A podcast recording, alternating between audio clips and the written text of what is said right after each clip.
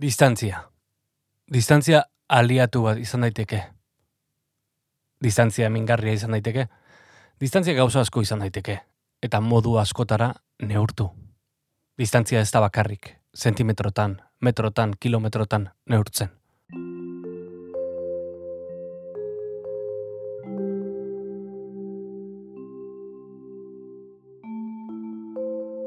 Gure herria txikia da. Baina batzutan, gure distantziak oso handiak izan daitezke. Demagun, endaiatik onjarbira, zenbateko distantzia dago. Edo altzurikutik berara. Distantziak denborak aldatu egiten ditu. Distantziak ere gauzak ulertzen lagun dezake. Gauzak irakurtzen, ondorioak ateratzen. Gertutasunak ematen duen berotik urrun gertutasuna ere traizioneroa izan daitekelako.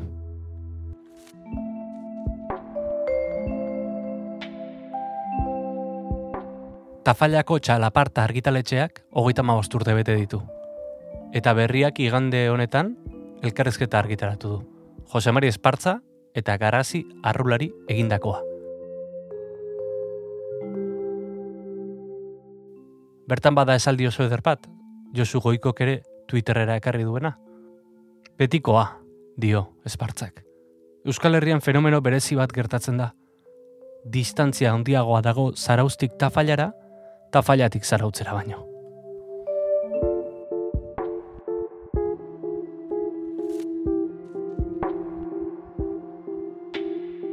Zinemaldira itzulita, bertan ikusi izan genuen Bizkar Soro, pelikulak ere, distantziak lantzen ditu. Edo besan da, distantzia horiek nola zizelkatzen diren, denboran zehar. Bizkar soro fikziozko herri bat da. Ez dena existitzen, baina Josu Martinezek bertako biztan den bidez kontatu du historia. Garai ezberdinetan zehar, Euskara nola zanpatu den, Euskaldunak nola zanpatu diren kontatzen du. Eta nabarmena da, Donostiatik bizkar sorora dagoen distantzia, orain asko zere handiagoa da, lehen baino.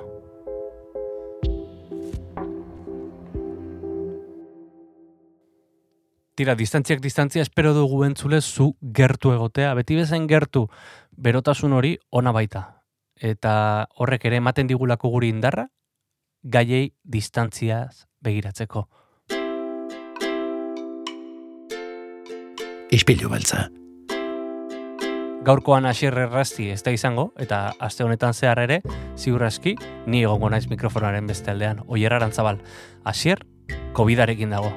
Tira, musu bat hemendik hasier erraztiri, eta guazen gaurko izpilu beltzarekin.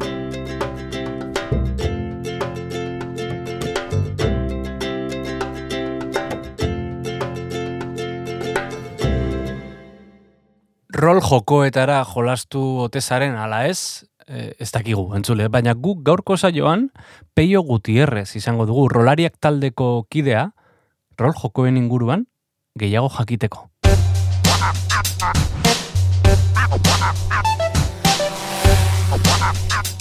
Donostia kultura irratia, zabaldu gurekin Donostialdeko kulturaren leioa.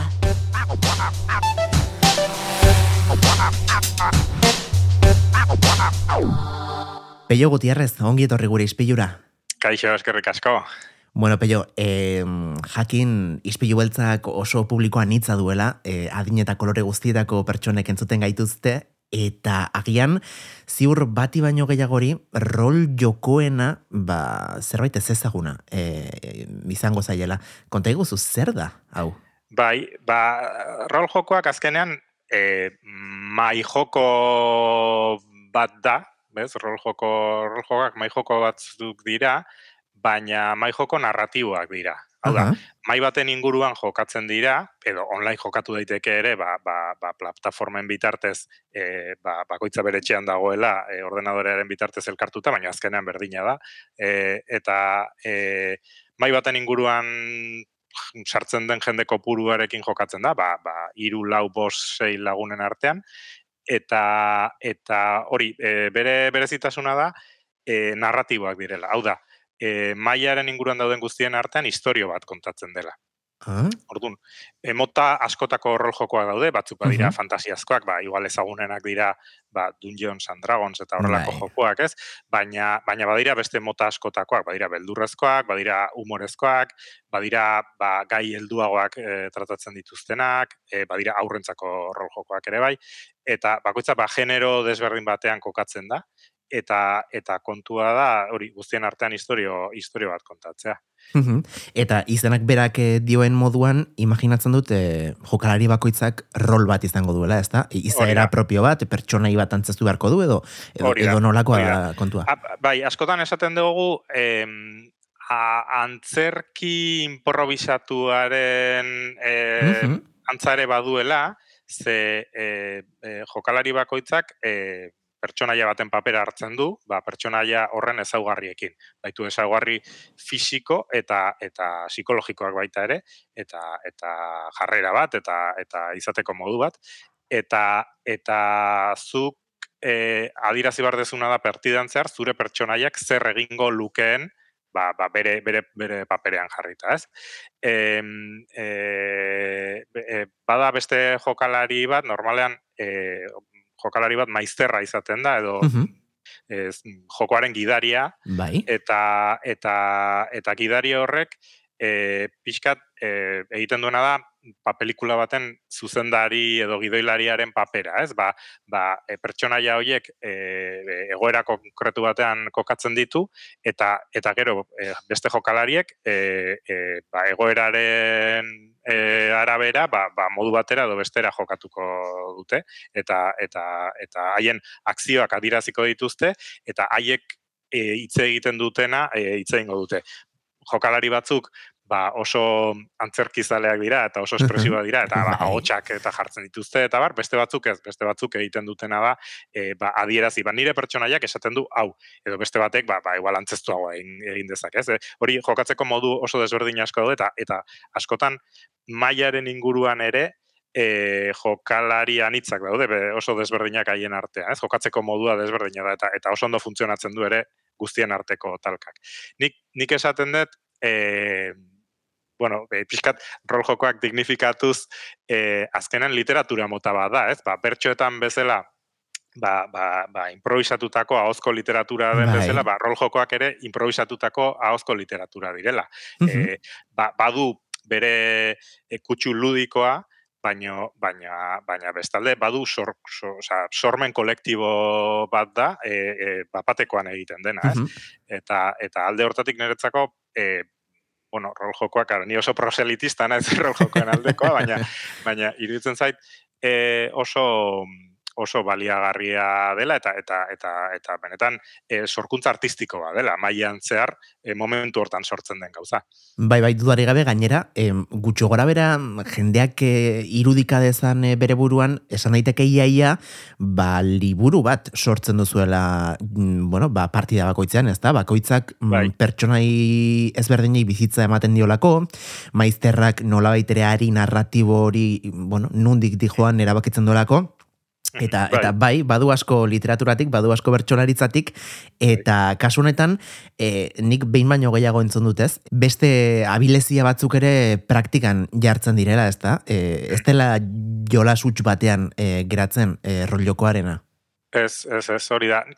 Osa, nik uste dut, e, orain ja pixka sakonago junda, em, osa, gure gizartean fikzioa oso beharrezkoa da, ez? E, gabe, e, ba, bai. antzinan, e, ba, ba, gure, gure aitona mona eta birre aitona eta birre aitona monek ba, sutondoan kontatzen zituzten historiak bezala, edo Bibliaren irakurketak bezala, niretzako hori ere fikzioaren parte e, konsideratu daiteke, e, horrek gure e, izateko modua baldintzatzen du, eta eta fikzioak e, sort, bueno, es, e, egiten du gu nor garen, ez? Fi- Fikzioaren arabera ezagutzen dugu mundu askotan, eta, eta abar, orduan, gaur egun, ba, adibidez, ba, bueno, orain oso modan dauden e, seriek eta eta eta plataformetan ikusten ditugun serie guztiak eta pelikula guztiak ere funtzio berdina e, e, betetzen dute. E, e, eta rolak, nire ustez, pauso bat gehiago ematen du hortan, baizik ze fikzio hori ez duzu kanpotik jasotzen, baizik eta zuk sortzen duzu, ez? Mundu ireki bat sortzen dugu guztiok imaginazioaren bitartez, hau da, e, ba, ba, e, guk maigaren aurrean daukaguna, e, bakarrik da papertxo batzuk eta eta arkatzak, eta haiekin ba, batzutan eskema batzuk marrazten ditugu e, espazioak eta irudikatzeko, baina baina baina gero azken finean guk e, askatasun osoa daukagu gure fikziozko mundu horretan nahi duguna egiteko. Orduan, gure pertsonaiak e, egin dezake e, e, nahi duena fikziozko mundu horretan eta eta eta hori iruditzen zait oso garrantzitsua dela ze, ze guk munduarekiko daukagun harremana esploratzeko beste modu bada, ez? Ba, ba, ba e, sentiarazi e, pues igual benetan beldurra edo edo edo lotxa emango liguken e, sentimenduak e, adierazi eta eta horrelako probak egin daitezke rolaren bitartez. Bai, soziologia asko dago ez da horren atzean. Bai, bai, bai. E, batzutan ba, egia da e, aspekto ludikoa e, garrantzitsuena dela, ez? Baina, baina, baina nik uste eta atzean adaukala beste soziologia puntu asko sakonago bat. Ez dakitena da, e, enaizalako bat ere e, jantzia gai honetan e, limiterik balden e, joko bakoitzaren barnean? E, ez, e, guk, guk bai, eta bueno, e, rolearen munduan asko e, bueno, e, babesten den gauza bat da, e, badira e, muga batzuk direla segurtasun neurriak esaten uh duguna. Claro, egia da, kas, gure kasuan orain beldurrolaren inguruan adibidez, ez? Beldurra e, claro, beldurraren e, limite hori batzuentzako e, bat da eta beste batzuentzako beste bada, ez? E, desore oso e, egotearen muga hori e, batzutan e, zeharkatu daiteke eta norbait e, gaizki sentitu daiteke mailean, ez? Horretarako guk e, segurtasun e, e, batzuk, e, tresna batzuk ditugu, mailan zehar e, erabiltzen ditugunak. Hori bat asko asko erabiltzen da ez ezagunekin jokatzen duzune, ez? Ba, horrelako e, jardunaldi irikiak egiten ditugunean batzutan ba e, maila etortzen den jendea, e, jende ez ezaguna da, batzuk batzuk rolean inoiz aritu ez direnak dira.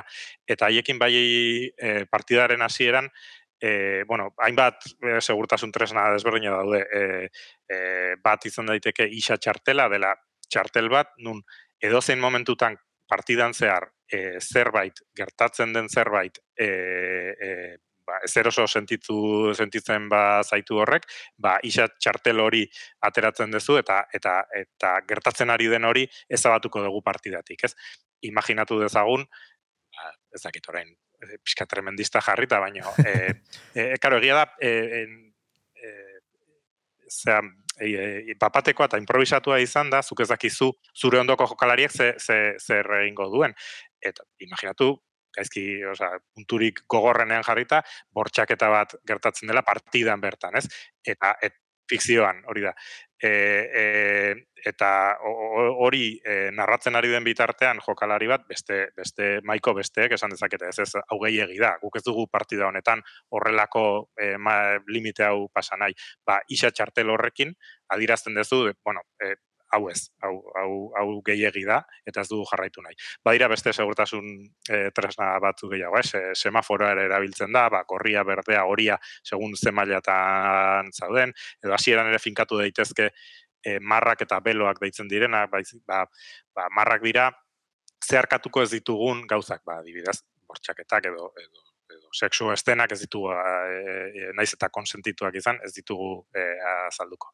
Edo edo e, odola ez, ez da azalduko ez? Beldurrezko historia bat kontatuko dugu baina ez da odolik egongo. Vale. e, eta eta horrelako zeak beti mailan adosten dira aurretik ba, ba ez daiten ez daitezen olako e, ba, gertara gertatu, ez? Peio, orain jarraian hitz egingo dugu beldurrolaren bai. inguruan, e, hain zuzen horretarako etorri zarelako gurera, e, baino lehenago, agian, bueno, e, entzule asko edo nine ere bai, eh?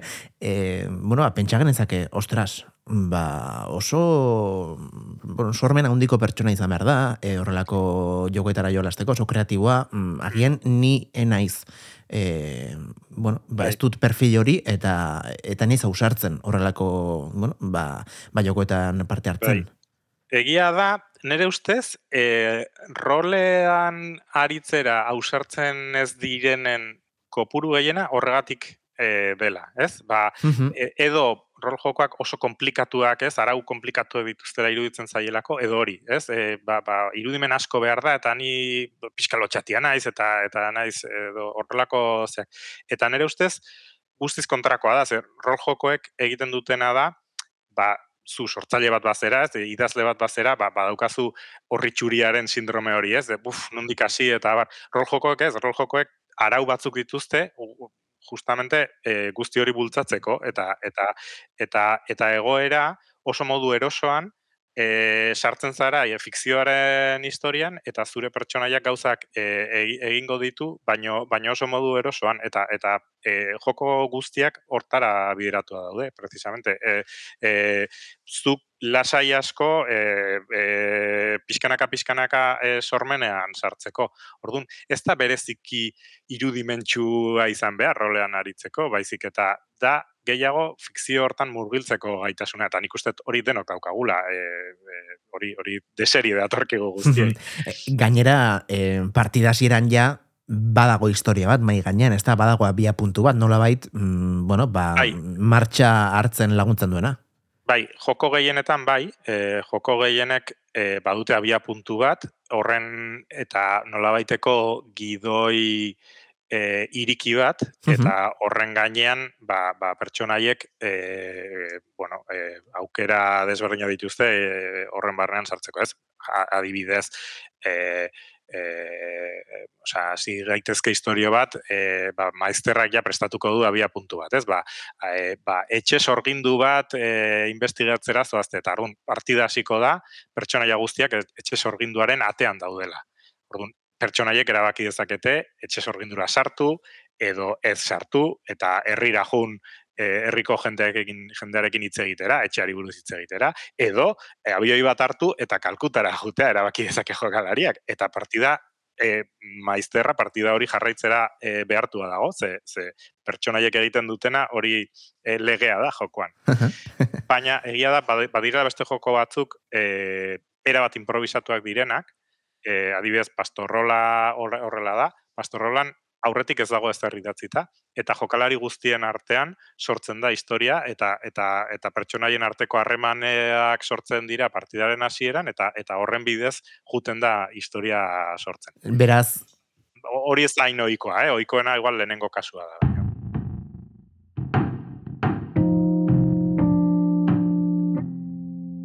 Argi dagoena da, bueno, genero eta mota guztietako rol jokoak daudela, eta horren adibide, e, ba, beldurro lan daukagu. Zer da beldurrola, peio? Konta iguzu, zer ekarreko duzuen datorren asteburuan, urriaren emeretzetik e, hogeita bira bitarte donostiara?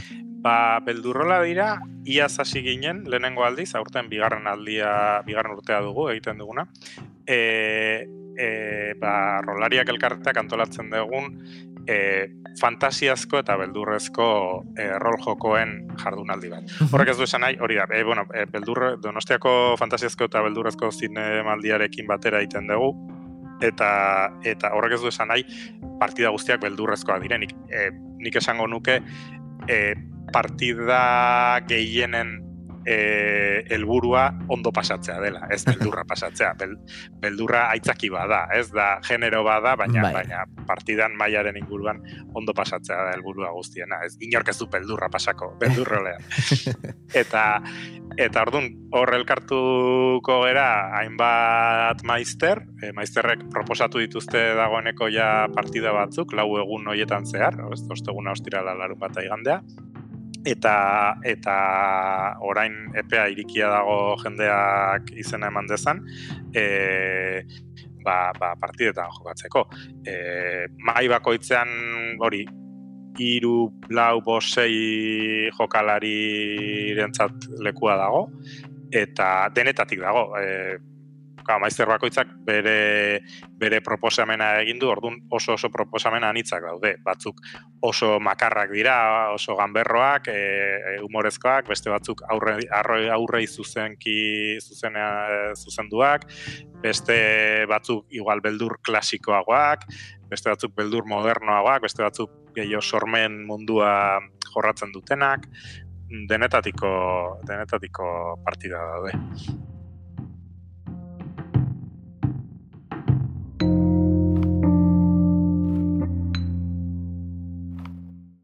Peio, aipatu duzu Donostiako, bueno, ba, beldurrezko zinemaldiarekin batera antolatu duzuela, urriaren emeretzitik eh, hogeita bira bitarte. Gainera, mm, bueno, ziurraski entzule gehienek dagoeneko ikusia izango dute, bueno, ba, beldurrezko zinemaldiaren kartela, aurtengo kartela, itziarrituño protagonista duena, eta itziarrituño hain zuzen, e, sorginez, jantzita agertzen da. Eta beldurrolaren, bueno, ba, gai e, nagusietako bat ere izango dira sorginak, ez da? Bai, bai, bai, bai. E, hau, kasualidadez izan da, baina e, ah, bai. beldurrolan, ez, ez, e, beldurrolan bai gari ginen, e, gai bati, bueno, aurtengo beldurrolari gai bat emateko gogoarekin, e, barajatu genituen bat baino gehiago, e, sorginak ere haien artean zeuden, eta, eta beldurrezko zinemaldiarekin hitz egin genuenean, haiek esan ziguten, e, sorginak izango zirela haien aurtengo gaia, ba, esan zuen, esan genuen, ba, beldurrola bera ere, sorgine eskeniko diegu. Orduan, e, partida guztietan, e, sorginai buruzko partidak izango dira. E, oso modu irikian da e, oso oso modu irikian. Kasu batzutan sorgin klasiko buruz hitz egingo dugu, baina beste batzuetan, bueno, sorgina metafora bezala erabili daiteke, e, makina maixuren partida bat badago sorginen laratza programari buruz adibidez, eta eta ez da, ez da sorgina, baizik eta e, Xabier buruzko partida bada. Eta, ordun oso oso modu irikian eta maizer bakoitzak bere bere aproximazioa egin du sorginei buruz. Eh, peio, lagundu iguzu, mm, beldurraldiaren e, beldurrolaren markatu. Eh, agendan sartuz gero egitaragua ikusita, ni pixka bat e, nastu egiten naiz sekulako, bueno, mm, anistasuna duzu, eh? E, kolore guztietako rol generoak, e, motak, e, publikoa ere aipatu duzu, aurretik, e, bueno, ezberdina izan daitekela, ez da, aurrak, e, elduagoak, e, az gaitazten e, ostegun eta ostiraletik urriaren emeretzi eta hogeitik egiako kulturetxean e, ospatuko delako beldurrola biegun horietan. Hori da. E, bai, le, lehen biegunak, osteguna eta ostirala egiako kulturretxan izango dira, eta asteburua, e, laru bat eta igandea, ebla liburu dendan.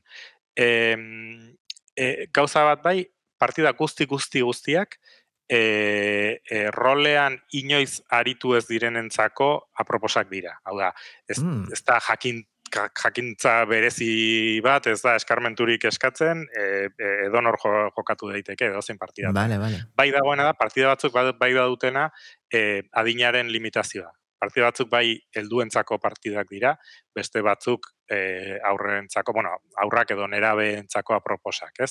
E, partida guztiak gutxi gora bera esaten dugu, e, adin minimoa ama bi urte inguru izaten dela. Ama bitik bera, e, aurten ez dago aurrei zuzenean e, e, bai, zuzenduriko... zuzenduriko partidarik, bai. E, baina bai dago, ba hori ez, am, amabi, amairu, amalau, amabost, urteko nerabentzako egokiak direnak, hori bai. Eta zeintzuk dira, pixka bate gurasoek e, entzuten gaituztelako, eta gian, ba, interesa izango dutelako, euren bai. aurrak eh, bertara bai. gerturatzea.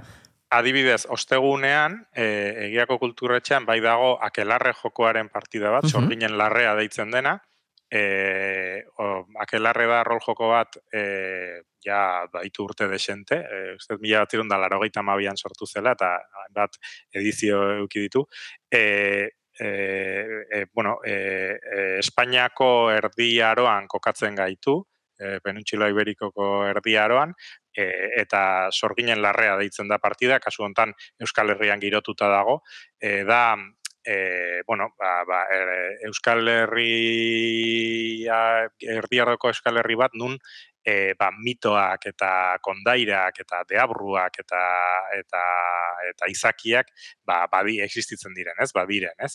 Eh, ba pixkat irati pelikularen inguruko mundua izan daiteke pixkat ilunagoa agian, baina baina hor hor partida hori oso kurioso izango da. Ose polita. E, egun hartan ere badago beste bat ilgora jokoarena zin zina hori helduentzako da bakarrik, baina e, hori da e, e, ilgora jokoaren ba, ezakit estrena eldia den, e, baina, baina publikoki e, nidaki dela hola jokatzen den lehenengo aldia da e, Beñat, e, bueno, de, rolariak elkarteko kide bada, berak sortu duen joko bada.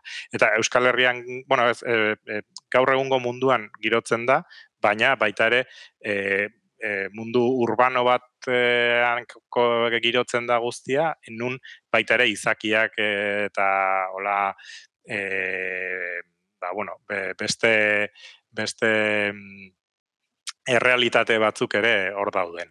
Eta hori ere ostegunean izango da. E, peio, ikusten ari naiz, ondoren galdetu behar nizun, ez? Azkenean, bai. bueno, joko asko nazioartetik e, datozkegulako, ez da? E, rol joko hauek, baina gurera ekartzean, e, ez dugu soilik hizkuntza aldatzen, ez? Ingelesetik edo gaztelaniatik euskarara baizik eta ondoren gure identitateko, ez? Gure elementu kultural propioak ere txertatzen dizkiego, ez? Hauei.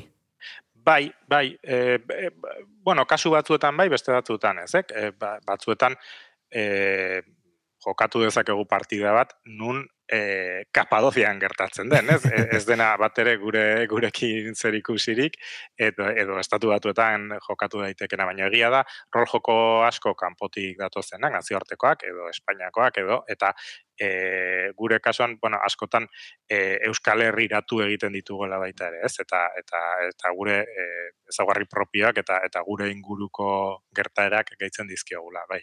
Bai, bai. Hori, hori bai da, nik uste rolariak elkarteko helburuetako bat, ez? E, ba, rol jokoak oso, bueno, zakit oso ezagunak diren, baina, bueno, ezagunak diren dira gure inguruan, baina egia da beti e, euskaraz edo inglesez edo frantsesez iparraldean jokatzen diren jokoa dira, ze e, e, euskal aukera orain arte oso gutxi zegon, ba, euskal rol jokoak aurkitzeko e, orain egia da rolariak martxan jarri zenetik, ba, geroz eta joko gehiago daude euskeraz, bai, kanpokoak euskeratuta, eto, eta bai, ba, zuzenan euskera sortutakoak, ez? Ba, ilgora adibidez kasu horietako bada, ez? E, ilgora jokoa jatorriz euskeraz sortutako joko bada. Eta aukera zoragarria daukagu aipatu bezala urriaren emeretzitik hogeita bira bitarte bai egiako kultura eta baita ebla liburu dendan e, kalea esan behar nuen, ez zaitela ateratzen. E, Carmengo ama kalean, Hori da. E, baita egia auzoan, bi, bi kasutan egia auzoan dira. Hori da, egia auzoan kokatzen da urten beldurrola. E, amaitu horretik, e, peio, hasi zara, gaia ze berbetan gustatuko litzateke rolariaken inguruan e, zerbe gehiago jakitea, nortzuk zarete, nundik atera zarete, eta eta zaintzuk dira, zuen, zuen helburuak. Bai, ba, ba, rolariak elkartea, batez ere pandemia garaian sortu zen elkarte ah, bada. Begira. E, nere ustez, e, Durangoko azokan atopiak beka jaso zuena, bai. atopia rol jokoak beka jaso zuen, eta bapatean, e, Euskaldunak ginen rolariak konturatu ginen e, ez geundela bakarrik.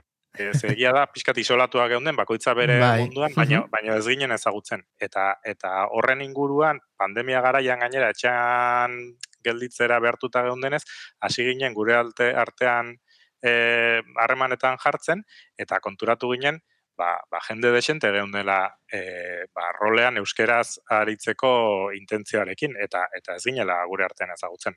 Orduan, mm martxan jarri ginen eta eta hasi ginen e, lanean, ba, ba, rola euskeraz egin alizateko. Orduan, konturatu ginen, be, gutako batzuk ja rol joko batzuk euskeraz idatzi da zituztela, haien laguntaldearekin euskeraz jolasten zutela e, maiz, e, eta, eta, eta batean esan genuen, jo, hau, hau ofizializatzeko beharra dago. Orduan sortu genuen, ja, elkartea, hola, ofizialki elkarte sortu ginen, eta eta eta ordundikan gure gure helburu nagusiak dira rol jokoak euskeraz e, bultzatzea eta sortzea eta itzultzea Aha. eta eta eta rol jardunaldiak sortzea eta eta pixkat rolaren proselitismo hori lehen esaten proselitismo hori egitea baina euskeraz euskeraren bitartez eh, iruditzen zaigu e, e, bueno bi, bi, bi bideoiek egiten ditutula ez alde batetik rola iruditzen zaigu ez, Osea, benetan, e, irutzen zegu oso beharrezkoa dela gure gizartean rolean aritzea, ze, ze baita ere, ba, bueno, elementu sanadore bat izan daitekela uh Mhm. guretzat, e, eta, eta euskeraren erabilera bultzatzeko modu on bat izan daitekela baita ere.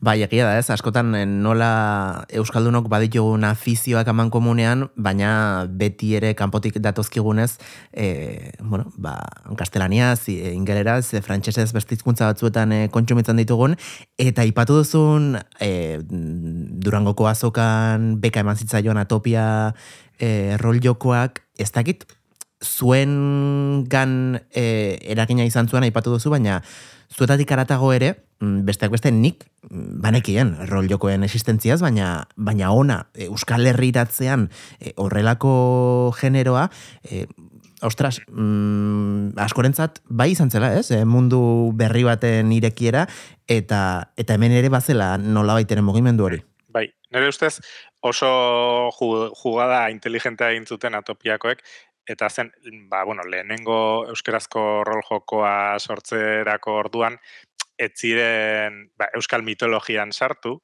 baizik eta e, askoz joko soziologikoago bat edo politikoago bat Bai. sortu zuten, ez? Eta ze, nire, nire ustez, lehen esan dudanaren arira da hori, ez? E, atopiak balio du gaur egungo Euskal Herriko gizartea ezagutzeko. Osea, atopia da gaur egungo Euskal Herriaren bertsio distorsionatu bat. Bueno, edo igual, errealidadea da atopiaren bertsio distorsionatu bat. Baina, baina, eta nire ustez horrek erakarri zuen jende asko, ba, igual, rol joko tradizionalago batzuk, ba, igual, bueno, e, e, bueno, ez ziela indeigarria egiten, ez? Eta, eta, eta atopiak berriz badu beste komponente bat, ez? E, ba, politikoagoa adibidez. Eta, eta bai, horri esker nire ustez, horrek e, euskal munduan gaina, oi hartzun desente eukizuen atopiak bere garaian, Bai. eta, eta nire ustez horrek jende asko erakarri du rola, rolaren inguruan.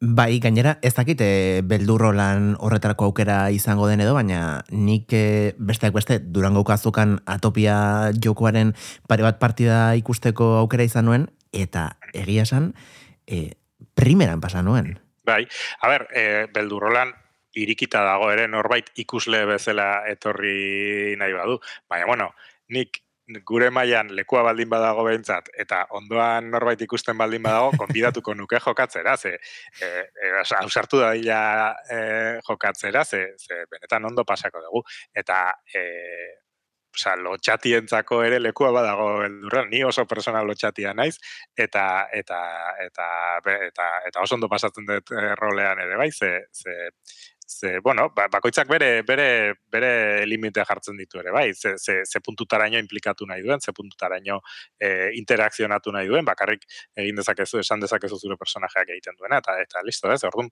denetarako dago, dago lekua bai Mhm, Askatasun osoa, bai zure historioa osatzeko, bai zure pertsonaiari forma emateko. E, peio ez dakit, mm, pandemia aipatu duzu, baina bueno, digitalizazioaren kontu guztionekin e, rol joko fisikoa aurrez aurreko horri, ez dakit arriskua ikusten diozun, e, nola baitere beste forma bat hartuko duen, evoluzionatu egingo den. Bueno, e, nik uste dut jokatzeko beste modu oso egoki bat dela. E, egia da, azkenean distantzian egiteak eta, bueno, ba, bosei persona bilera batean egiteak, e, e, bueno, e, harremana pixkat desberdina da, ez? E, e, bueno, online jokatzen denean, Bai. ezin, dut, ezin dute denek batera hitz egin, ez, askotan ez dituzu besteen aurpegi guztiak ikusten, e, e, eta txandakatu hitz egiten da, ez? Venga, orain nire txanda da, orain nik esango dut, orain nire txanda da, orain nik esango dut. Orduan, jokatzeko modua pixkatxo bat aldatzen da, egia da, aurrez aurrez daudenean, askoz interaktiboagoa da, ez? Ba, ba, keinuekin besteari gauzak dizkiozu esan, Mhm. e, denak batera hasten badira hitz egiten ere, ez da arazo bat, azkenan e, konpontzen zera. E, Best, beste konplizitate baina bat dago, ez da? bai, nik uste dut, baiet, nik uste dut, baiet. Baina, bueno, e, egia da baita ere, e, online jokatzeak e, ba, ba, albideratu duela e, beste modu batean jokatu ezin daitezkeen partidak egin alizatea, ez? Ba, ba, Euskal Herri mailan bira Euskal Herria txikia da, baina baina norbait irunen bizi da eta beste norbait Bilbon, Claro. ba, claro, pues, eh, ah, bai, pues, egun konkretu batean aldezu bidaitxo Mhm. txiki bat egin eta elkartu, baino, e, aste arte batean, gaueko amarre, amarretan partida bat egin nahi badezu, ba, online egiteak hori albideratzen du, ez? Eta ja, mundu mailan, e, oraindik ikaragarriagoa da, osea, jo, jokatu dezakezu e, Txipreko persona batekin inglesez eta eta Argentinako beste batekin eta hori hori ikaragarria da hori hori egin alizatea, ez? Mhm, Errol jokoak azkenan ez, infinituak dira, eta eta hortan, e, bueno, ba, esperimentatzeko aukera izango du edozein herritarrek, e, datorren urriaren emeretzitik hogeita bira bitarte, mentxe, donostiako egia auzoan lehen biagunetan egiako kulturetxen, eta ondoren ebla liburu dendan, Carmengo ama kalean. E, nik Izena, bai esaten duguna, da, gauzatxo bat, Bai, eh, esan. parte hartzea doakoa da, e, baina bai eskatzen dugu jendeak izena ematea. Ze azkenean mai bakoitza, ba hori, ez? Hiru lau bosei pertsonentzako lekua dago, orduan aurretik jakin nahi dugu zenba persona bilduko diren mai bakoitzan. Orduan izena eman bar da rolariak.eus e, web horrian hor badaukagu izena emateko e, e, esteka bat. Mhm. Hori hori esan behar nuen, gaurko aitzakia beldurrola izan da, baina benetan rolariak puntu eusatarian sartuta, e, sekulako eduki mordo bat topatuko duzue, baita besteak beste rolaren e, euskarazko iztegia, e, rolari txikientzako gidak, eta, eta bueno, zuek e, elkarte moduan antolatzen dituzuen e, kontu guztiak, Peio Gutierrez, benetan, placer hutsa izan da, bueno, ba, izpilu beltzan zurekin kontatu ahal izatea, espero dugu beldurrolaren bigarren edizioa zoragarri joatea, eta ea, ea tarterik hartzen dudanik ere bertatik pasatzeko. Hombre, gonbidatua zaude eta eskerrik asko zuei baita ere, ba, hemen hitza emateagatik.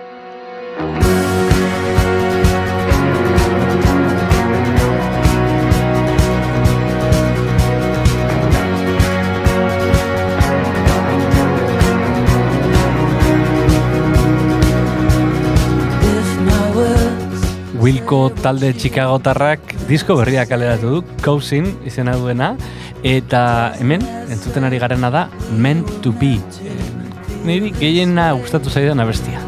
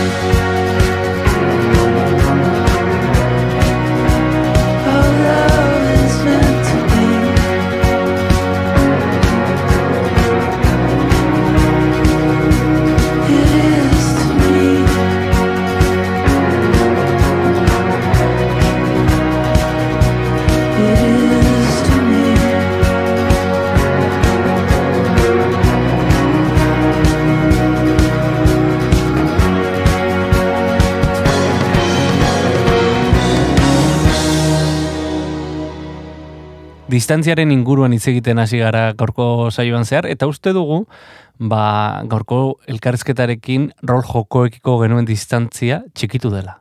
E, gertuago gaudela mundu horretatik, eta agian zenbait uste albo batera utzi ditugula eta animatuko garela rolariak e, taldeak antolatutako ber, beldu rolan parte hartzera. En ispilu beltzak aurrera segiko du, aste hau ederra izango dugu, e, gonbidatu oso bereziekin, eta hasier errasti e, sendatu bitartean, hemen izango nauzuen ni, oier arantzabal, mikrofonoaren bestaldean, solasean aritzeko eta eta tira, e, ba, zuen iradokizuna jasotzeko ere bai. Besarka destu bat eta bihar arte.